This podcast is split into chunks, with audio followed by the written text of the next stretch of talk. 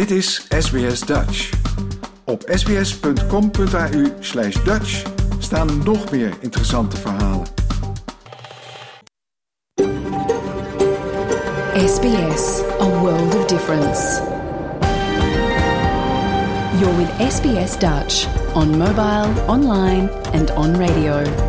Dit is SBS Dutch op mobiel, online en op radio. Graag erkennen wij de traditionele eigenaren van het land van waar we vandaag uitzenden. SBS Dutch betuigt haar respect aan de Camaragal-mensen en hun ouderlingen uit het heden en het verleden. Ook erkennen we de traditionele eigenaren van alle Aboriginal en Torres Strait Islander landen van waar u vandaag naar ons programma luistert. Een hele goede morgen. Mijn naam is Paulien Roesink. Het is woensdag 1 maart, de eerste dag van de herfst. En u luistert naar SBS Dutch, het Nederlandstalige radioprogramma van SBS. Vandaag vertelt Yveske van Gogh over haar bijzondere bouwproject. Samen met haar partner Matt bouwt ze in Tasmanië namelijk eigenhandig een houten zeiljacht. Onze verslaggever in Malou Helder, is op pad geweest met bijenonderzoekster Katja Hogendoorn. En Nicole Holten van de Dutch Stable legt uit wat vis en vasten met elkaar te maken hebben. Dat en nog meer straks. We beginnen zoals altijd met het nieuws.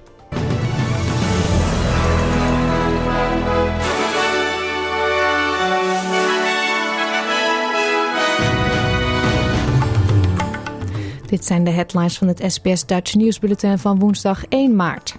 India levert moordverdachten uit. Mogelijk meer rechten voor donorkinderen in Queensland. En drie mannen gearresteerd voor de dood van 64 migranten.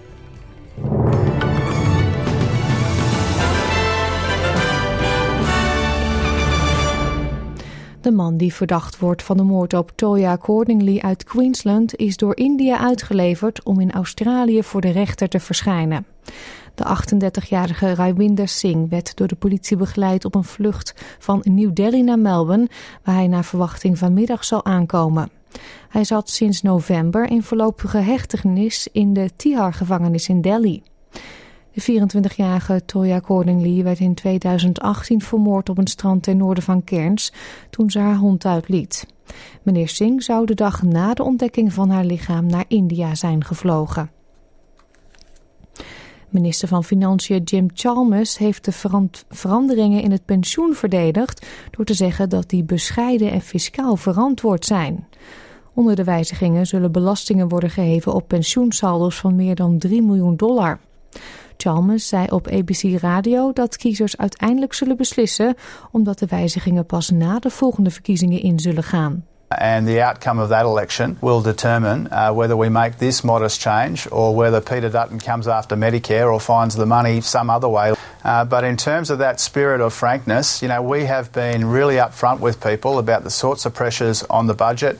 We've deliberately made this change after the next election. It's not a major change to the superannuation system. It leaves all the fundamentals in place. Everybody can still access generous tax concessions in the system.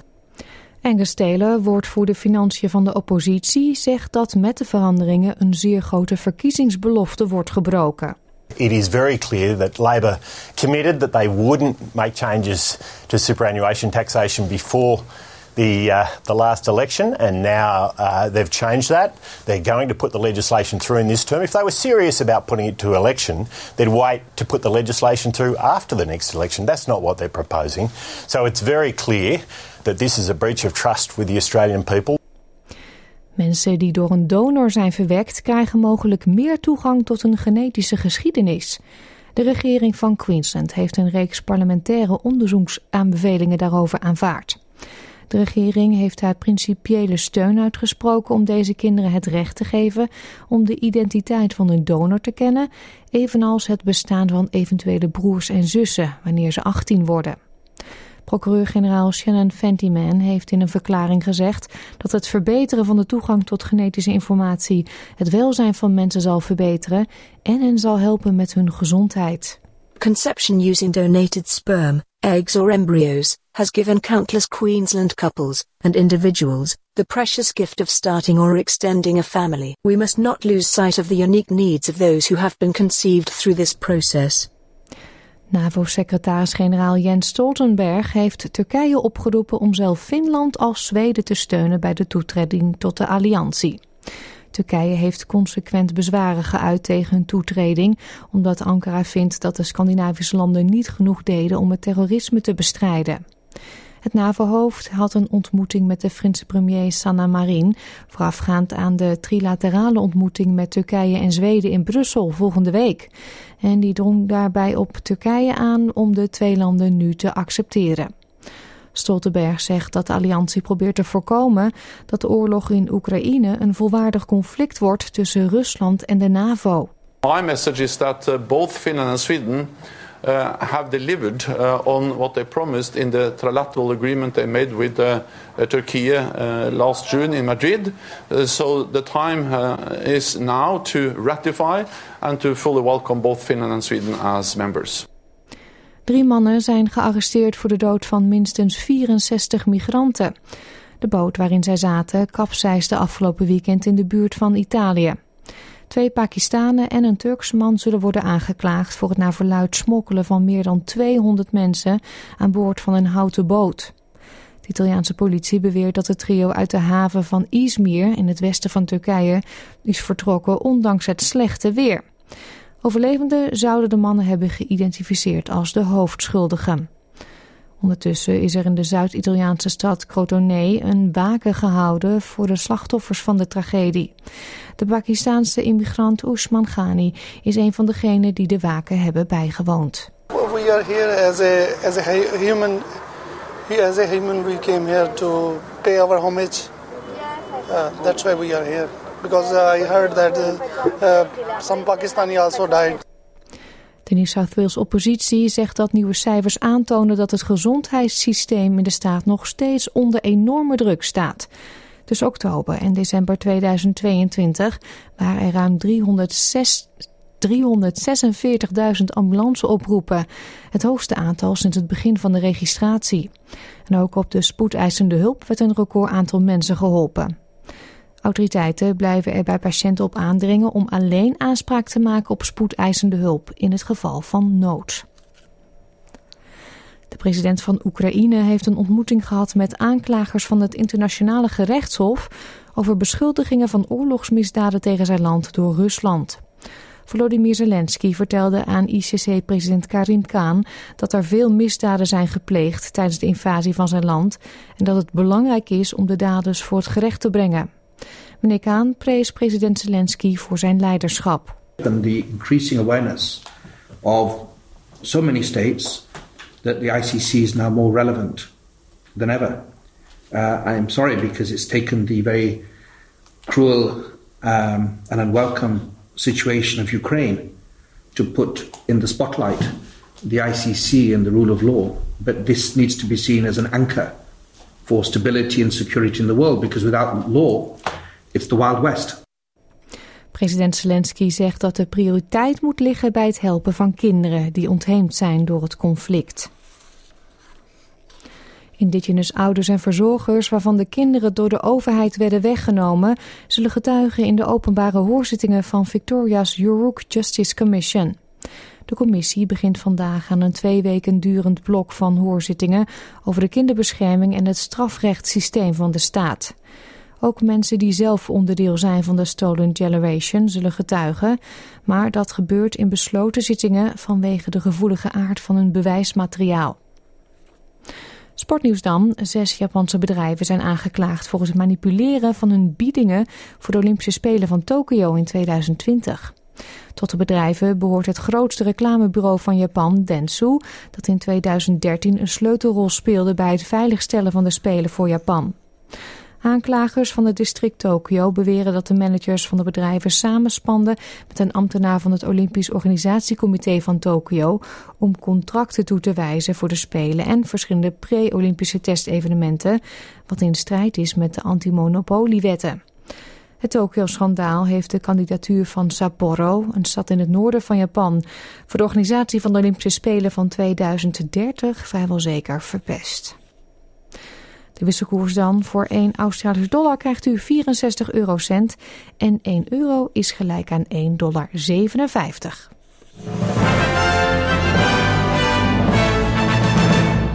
Kijken we nog even naar de weersverwachting voor vandaag. In Perth is het zonnig en heet, 37 graden daar. Adelaide bewolkt, 24. In Melbourne en Hobart is het gedeeltelijk bewolkt en het wordt daar maximaal 21 graden. Canberra gedeeltelijk bewolkt, 27. Wollongong kans op een paar buien, 26. Sydney ook kans op een buitje daar, 28.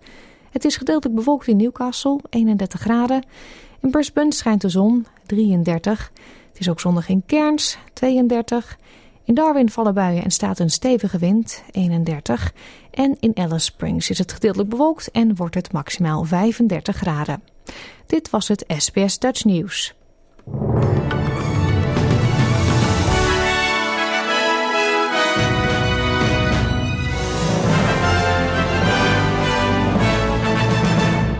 Nogmaals een hele goede morgen en welkom bij SBS Dutch. Straks hoort u het bijzondere verhaal van Yveske en Matt, die zelf hun houten zeilschip bouwen. En ook deelt Nicole Holten enkele heerlijke visrecepten. Maar eerst. Uit een rapport blijkt dat steeds meer Australiërs een andere definitie hebben van rijkdom dan voorgaande generaties. Nu wordt het hebben van financiële vrijheid om je passies te kunnen volgen en om mensen om wie je geeft te kunnen ondersteunen gezien als rijkdom. In het verleden werd alleen het bezit van een eigen woning als rijkdom beschouwd. Het nieuwe rapport van AMP en toonaangevend demograaf Bernard Salt komt met een reeks demografische gegevens en analyseert belangrijke maatschappelijke ontwikkelingen van de afgelopen 50 jaar. Volgens meneer Salt is de houding van mensen geëvolueerd. Here is one of the ways in which attitudes to wealth has changed.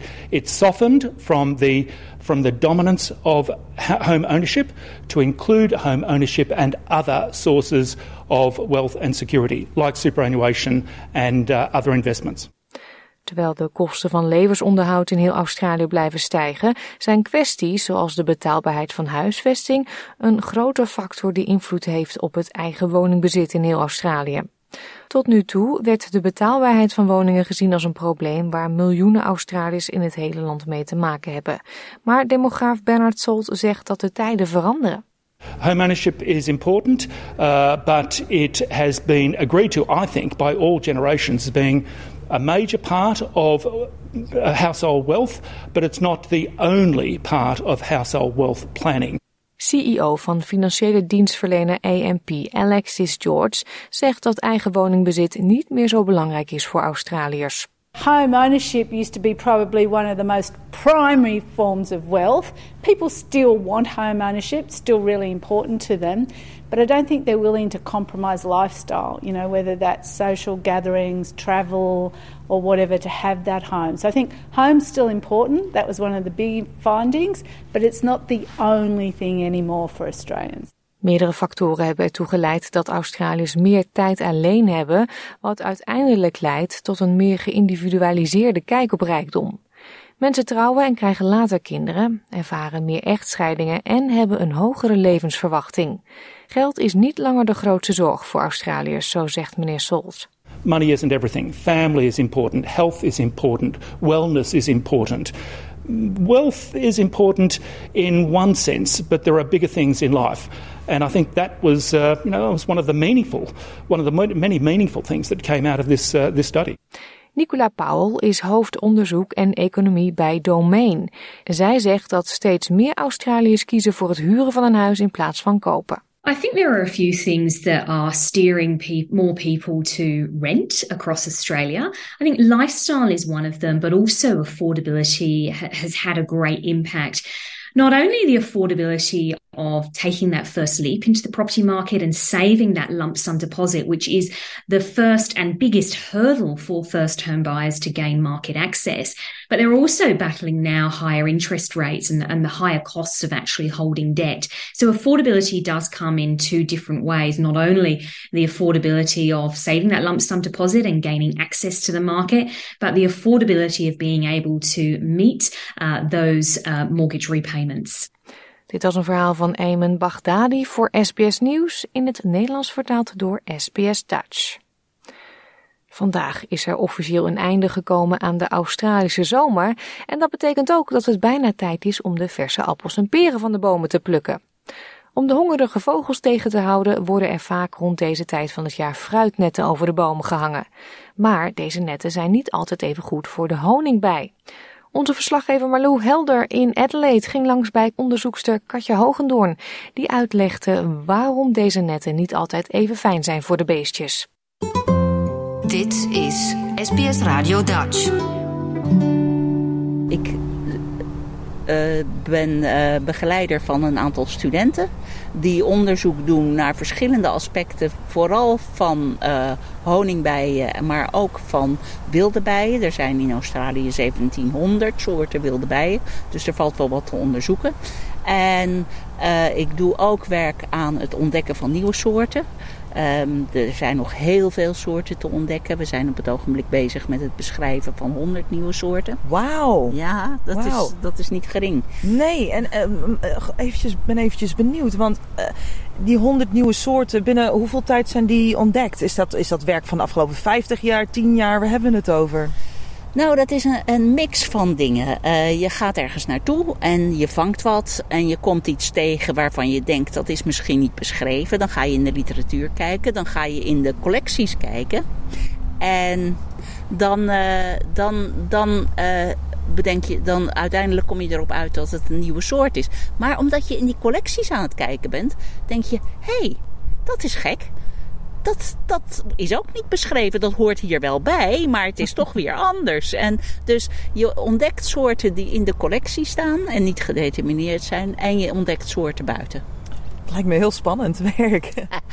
het, is, het lijkt heel spannend, maar het is een beetje science surf als het, komt, eh, als het komt bij het beschrijven van die soorten. Afgezien daarvan doe ik onderzoek naar bestuiving van gewassen. Mm en dat heeft ook verschillende aspecten.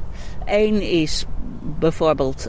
Um, wat, wat je in het hele land ziet hier is dat appels en bessen en uh, peer en kersen steeds meer onder netten verbouwd worden. Mm-hmm. Omdat we grote hagelstormen hebben. En omdat de vogels nogal opdringerig aan het worden ja, zijn wat dat ja, betreft. Ja. Dus um, dat, dat heeft consequenties voor de bestuiving. Als, je die, als die netten permanent zijn, dan functioneren die honingbijen die dat moeten bestuiven niet zo goed. En waar we naar aan het kijken Is dat zijn, omdat ze er niet goed bij kunnen? Of? Uh, ze, ze hebben een beetje last van. Um, er, het licht is anders onder zo'n uh, onder zo'n net. Mm -hmm. En honingbijen gebruiken polarisatie van het licht om zich te oriënteren. En dat licht is, wordt weerkaatst door het net. Uh, dus, dus ze dat, raken een beetje in de war. Dat is anders. Ze zijn nogal in de war. Ja. En uh, wat, wat ook anders is, is als honingbijen buiten forageren, dan halen ze van heel veel bronnen stuifmeel. Als je ze onder een dicht net zet, dan kunnen ze eigenlijk alleen maar naar het gewas. En dat heeft consequenties voor hun gezondheid. Het is alsof wij alleen maar champignons zouden eten een poos van ja, ons leven. Ze moeten een beetje gevarieerde dieet Ze moeten hebben. een beetje gevarieerd dieet hebben. Dus ja. maak je die netten nou open. Dat kan je doen. Dat heeft consequenties voor je bestuiving onder dat net. Want uh, ze gaan naar buiten. Veel ervan gaan naar buiten. Doe je ze dicht, dan heeft het consequenties voor de gezondheid van de bijen. En hoe je dat afweegt, hoe de... Hoe de hoe wat de, is de gulden middenweg? Wat, wat is de gulden middenweg? Doe je het dicht, betaal je je imker wat meer. Ja. Uh, doe je ze open, nou dan heb je meer bijen nodig. Dus betaal je je imker ook meer. ja, dat lijkt me een lastige uh, overweging. Dat is een lastige overweging. Zeker voor uh, dat soort gewassen als appel en peer. Die eigenlijk nogal marginaal zijn. Want, want de, daar wordt eigenlijk als een appel niet prachtig rond is en het juiste formaat heeft, dan, dan, dan is, wordt er al niet meer. Um, het is een uh, beetje winderig hier, maar we, we ploeteren er doorheen. maar uh, dan, dan kan je er niet zoveel geld voor vragen eigenlijk. Je bent ook nog bezig met uh, onderzoek naar een hele speciale bij op dit moment, hè? Ja. Uh, die heet in het Engels de Green Carpenter Bee of de groene houtbij. Het is dus de groep waarin ik origineel specialiseerde. Mm -hmm. Er zijn iets van zes soorten in Australië en uh, 350 over de wereld of zoiets. Ehm, en de groene houtbij is uitgestorven in Zuid-Australië en Victoria, maar komt nog voor rond Sydney en op Kangaroo-eiland. Maar op Kangaroo-eiland weten we niet meer zeker, want het is afgebrand in 2020. En daarna is die bij nog gezien in 2020 en toen niet meer. En dus wij gaan regelmatig terug om te kijken of we die bij nog kunnen vinden of die het redt. Want dat is helemaal niet zeker. Nou ben ik pas weer geweest. En uh, we hebben eigenlijk geen spoor meer van die bij gevonden. Wel oude nesten die vroeger gebruikt zijn. Maar die zijn allemaal een beetje afgetakeld. En, uh, en, en ja, gut, het beest is sinds 2020 niet meer gezien. Dus dat is wel een, dus, een beetje... Het is een vrij grote bij, of niet? Ja hoor, hij is groter dan een honingbij. Uh, hij is prachtig metaalgroen. Hmm. Um, het is echt een markante, markante bij. En uh, hij is niet uitgestorven dan in Australië. Maar het is wel, weet je, uitsterven gaat niet in één klap. Uitsterven gaat um, ja, Staps, stapsgewijs. Ja, stapsgewijs. Ja. En dit zou dan weer zo'n situatie zijn. En we weten van Victoria, daar kwam hij voor in de Grampians. Is hij voor het laatst gezien in 1939. En uh, na een brand daar, in 1939, is hij niet meer gezien. Ja. ja. Dus het ziet er niet goed uit? Nee, dan kan je overwegen om twee dingen te doen. Je kan kijken of je dat beest kunt herintroduceren, misschien. Aan de andere kant, je weet niet hoe het gaat met toekomstige branden en dat soort dingen. En, en uh, je wilt ook van uh, de natuur geen, geen dierentuin maken. Dus dat zijn allemaal overwegingen. Ja. ja. Nou, als er nou Nederlandse luisteraars wonen op Kangaroo Island, zij horen uh, dit verhaal. Kunnen zij jou een handje helpen hiermee? Kunnen zij, hoe kunnen zij meer informatie opzoeken over deze bij? Nou, ze kunnen um, naar een, uh, de website van een organisatie gaan. Die heet de Ween Bee Foundation. En daar is informatie over de Green Carpenter Bee. En dan kunnen ze kijken naar hoe een nest eruit ziet. Ze nestelen in uh, de staken van de, de oude bloemstaken van, uh, van grass trees. En, uh, en ja, je kunt er wat, wat checken om te kijken of je een, een mooie, heel mooi rond gat ergens erin ziet. En als je dat vindt, dan kan het een nest zijn. En dan is dat de moeite waard om dat te melden. Dan mogen ze even contact opnemen ja. met jou. Ja, ja. Goed, nou, uh, we gaan de ogen open houden. Um, hartstikke bedankt uh, voor je tijd. En uh, hartstikke veel succes met je verdere onderzoek en werkzaamheden. Ja, ontzettend bedankt. Leuk. We horen onze verslaggever Malou Helder in gesprek met bijenonderzoekster Katja Hogendoorn. De 29-jarige Yveske van Gogh en haar partner Matt Morris bouwen in een grote schuur in de Tasmaanse Glen Huon eigenhandig een houten zeiljacht. De bouw ging in 2019 van start en is nu net over de helft. Het doel is om met dit schip uiteindelijk de wereld over te varen. We belden met Yveske om te praten over haar liefde voor zeilen en houten boten en om te horen wat hun geheim is om dit samen dit langlopende project te doorstaan. Jouw gemeenschap, jouw gesprek, SBS Dutch. Yveske, waar komt jouw fascinatie voor houten schepen vandaan? En dan ook nog in zo'n mate dat je denkt, ik ga er zelf in bouwen. Um, ja, dat is een goede vraag. ik ben begonnen met varen op tollships in Nederland vanaf mijn achttiende. En toen ik in die wereld van varen en zeilen terecht kwam, ja, dan ga je toch veel om je heen kijken naar andere boten en schepen en de, de levensstijl die daarbij hoort. En um, ja, toen begon er een soort van passie voor, voor houten schepen, de traditionele zeilschepen. Um, dus het is allemaal begonnen op een boot. Ja, de Europa? Ja, ik ben begonnen op de Wilde Zwan. Dat is een Fries uh, schip. En daarna heb ik op de Tekla gevaren. En uh, na de Tekla inderdaad op de Bark Europa. Hmm. Ja, maar je, je komt al wel terecht op een schip. Daar kiest niet iedereen zomaar voor. Wat deed je op die schepen? Ik werkte als sociaal werker in Eindhoven. had helemaal niks te maken met schepen of, en natuurlijk best wel ver weg van de zee. Maar mijn broer die vaarde op schepen, die ging naar de zeevaartschool in Rotterdam. En die kwam via via terecht op de Wilde Swan op een zeilschip. En die vertelde me de grootste verhalen over hoe, hoe ontzettend leuk dat was. En uh, op een gegeven moment kreeg ik de kans om een reis mee te varen vanaf de Caribbean terug naar Nederland. Um, als bemanning. En uh, dan begeleid je studenten van, van middelbare scholen, die komen dan aan boord. Om op, aan boord op school te zijn, zeg maar. Um, en dat deed ik voor zes weken en ik kwam aan op de Azoren. En daar belde ik mijn ouders op en ik zei van nou, ik denk dat ik mijn baan moet opzeggen en mijn appartement moet opzeggen en mijn auto moet verkopen, want ik wil hier blijven.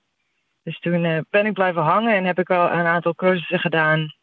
En dan vaar je inderdaad als matroos op een zeilschip. Ja, en je hebt ook de zeevaartschool gedaan in Enkhuizen. Uh, ja. Is het daar waar je met tegenkwam? Uh, met kwam ik tegen op de Europa. Dus daar wij, wij werkten samen. En um, daarna ben ik inderdaad naar Enkhuizen gegaan, de zeevaartschool. Voor een officiersopleiding daar. Dus ik heb daar de tweejarige opleiding gedaan. En Matt die heeft uiteindelijk daar ook op school gezeten. Ja, Matt is van Tessie. Een echte Aussie bloke. Um, jullie vonden elkaar in de liefde voor schepen. Um, en hadden allebei dezelfde droom. En wat was die droom? Uh, bijna dezelfde droom. Um, de droom was een eigen boot. Dus die kwam inderdaad heel erg overeen. Die, mijn droom was het varende leven waar je zelf kan bepalen waar je heen gaat. Ik had toen ik tegen die tijd zoveel gevaren um, op het soort van op het programma van anderen met gasten waar je zelf niet zo goed kan kiezen waar je heen gaat en hoe lang je ergens blijft. En ik wilde zo graag gewoon mijn eigen plan trekken op mijn eigen boot. En Matty wilde heel graag, van kind af aan heeft hij heel, een droom gehad om zelf een boot te bouwen. Dus we hebben die droom uiteindelijk kunnen combineren.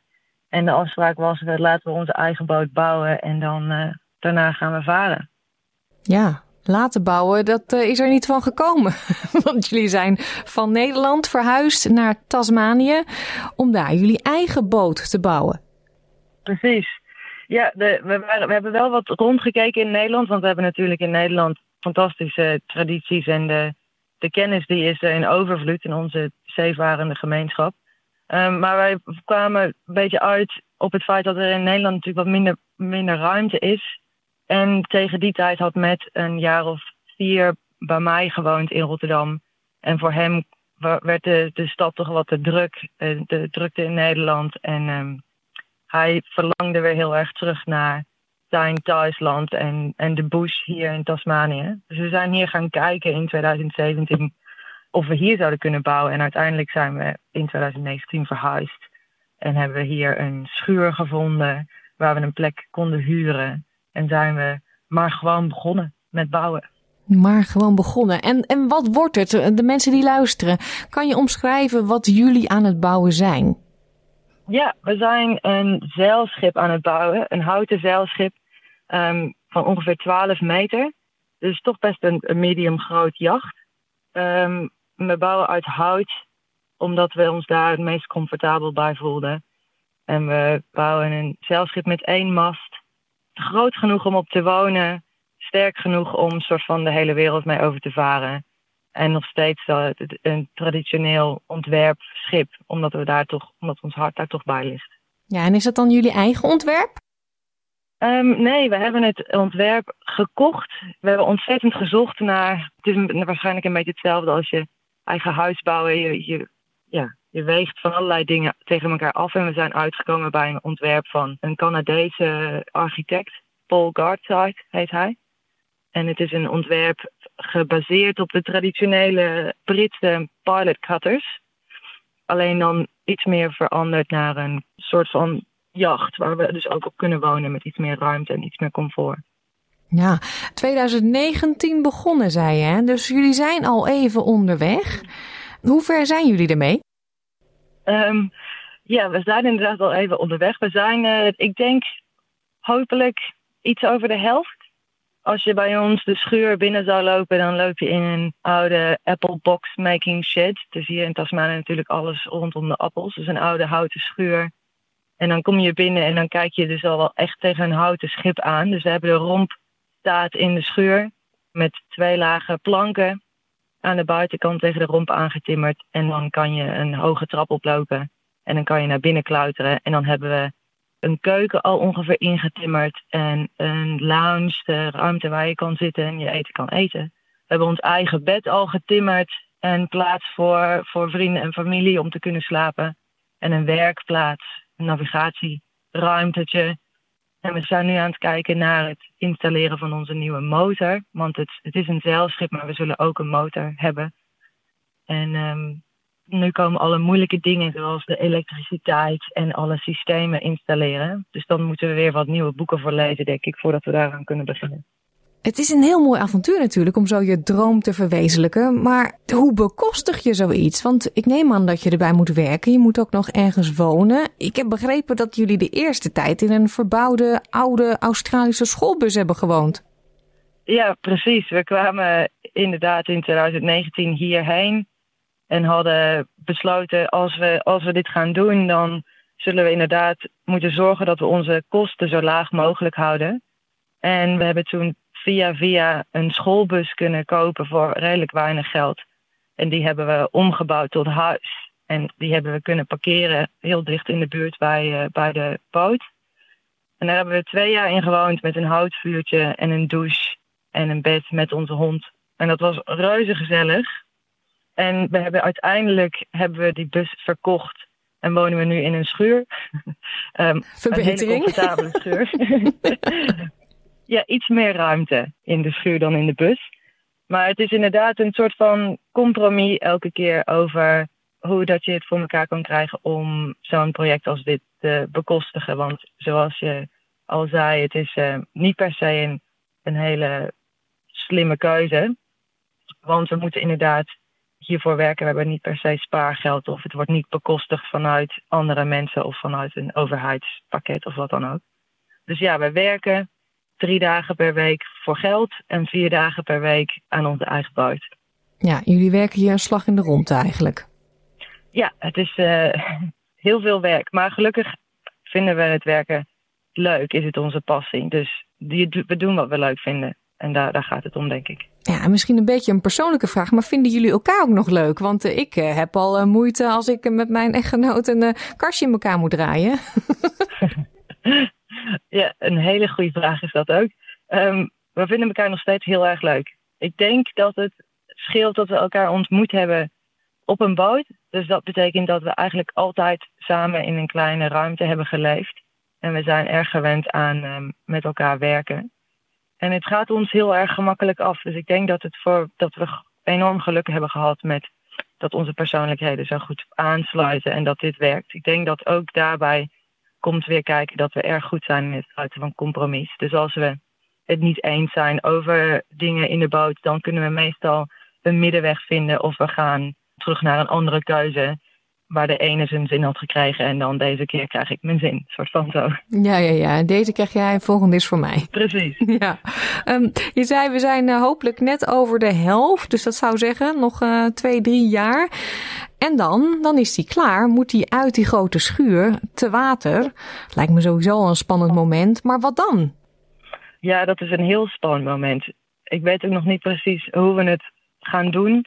Gelukkig hebben we een hele flexibele huisbaas of landeigenaar hier.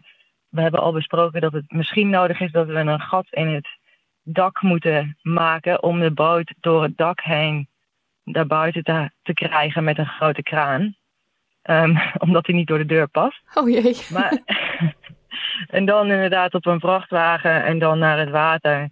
En dan wordt het enorm spannend als je het schip dan daadwerkelijk ter water laat. En um, ja, we hebben gelukkig veel mensen om ons heen hier die ervaring hebben met dit soort dingen, met grote projecten. En ook wel veel gesproken met, met andere mensen die hun eigen boot gebouwd hebben. En we krijgen voornamelijk de tip dat het een enorme soort van decompressiemoment is waar je je schip ter water gaat en je hebt jarenlang in een routine gewerkt met één doel. En als het dan in het water ligt, dan val je een soort van in een moment waar je niet meer zo goed weet wat je met jezelf aan moet. Dus we zijn daar, ons daarop voorbereid. Dat we waarschijnlijk het even rustig aan moeten doen. Even ademhalen als we eenmaal in het water ligt. En dan is toch wel echt het plan om te gaan varen.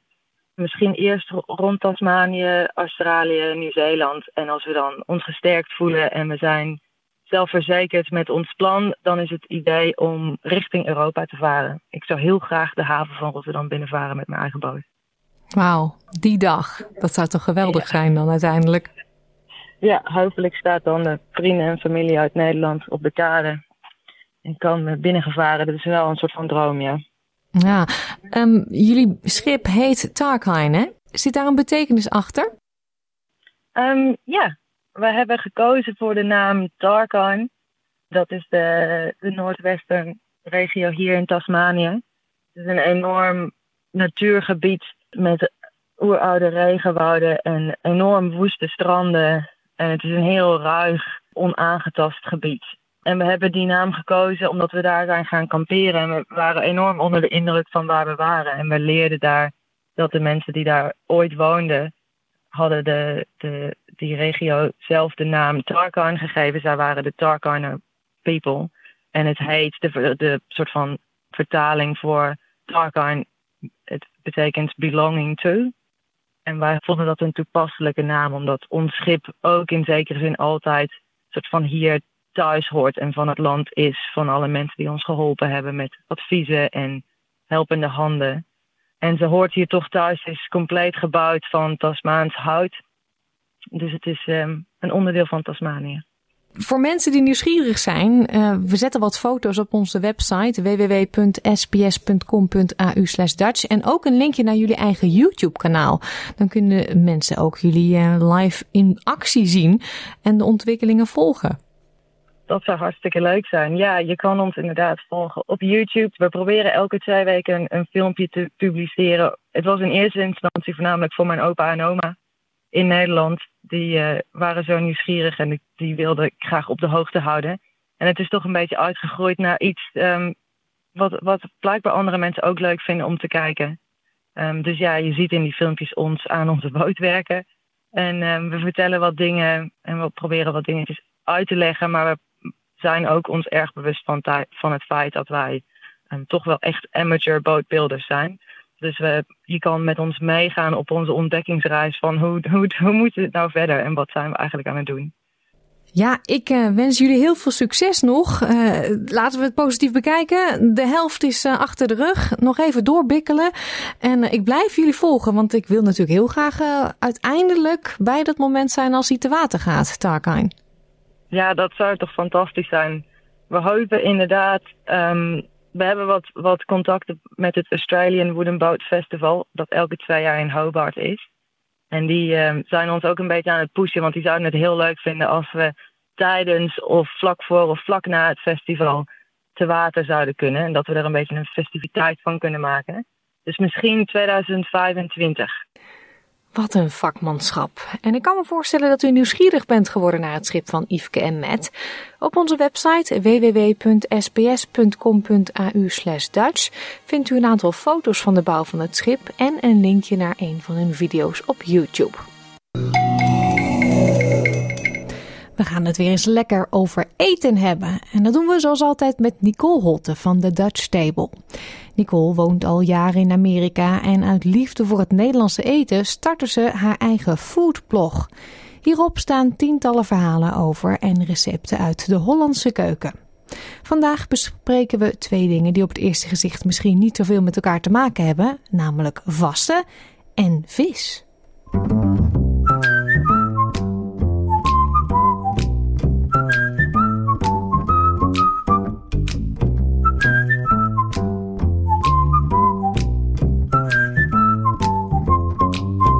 Nicole, wat hebben vis en vasten met elkaar te maken?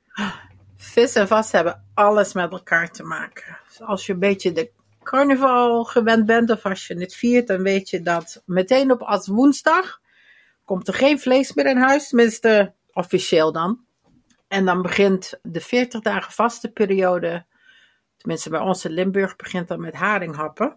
Dat betekent dus dat je nog met confetti in je haar en in je carnavalspak nog één keer voor de laatste keer naar de kroeg gaat. Maar dan komt er geen vlees of niks meer aan te passen. Dan is het echt haringhappen. Dus het begin van de vaste periode. En dan, uh, dan begint het vis eten. Normaal gesproken alleen op vrijdag, zoals het ook vroeger in de katholieke huishoudens betaamde. Ehm, geen vlees, geen eieren, eigenlijk helemaal geen dierlijke producten. Behalve vis. Oh. En dat is een beetje vreemd als je daar zo aan denkt. Want dan denk je van, nou, waarom is een vis dan geen dier? Tenminste, wordt dat dan niet zo beschouwd. En dat is omdat de vis geassocieerd wordt met Christus.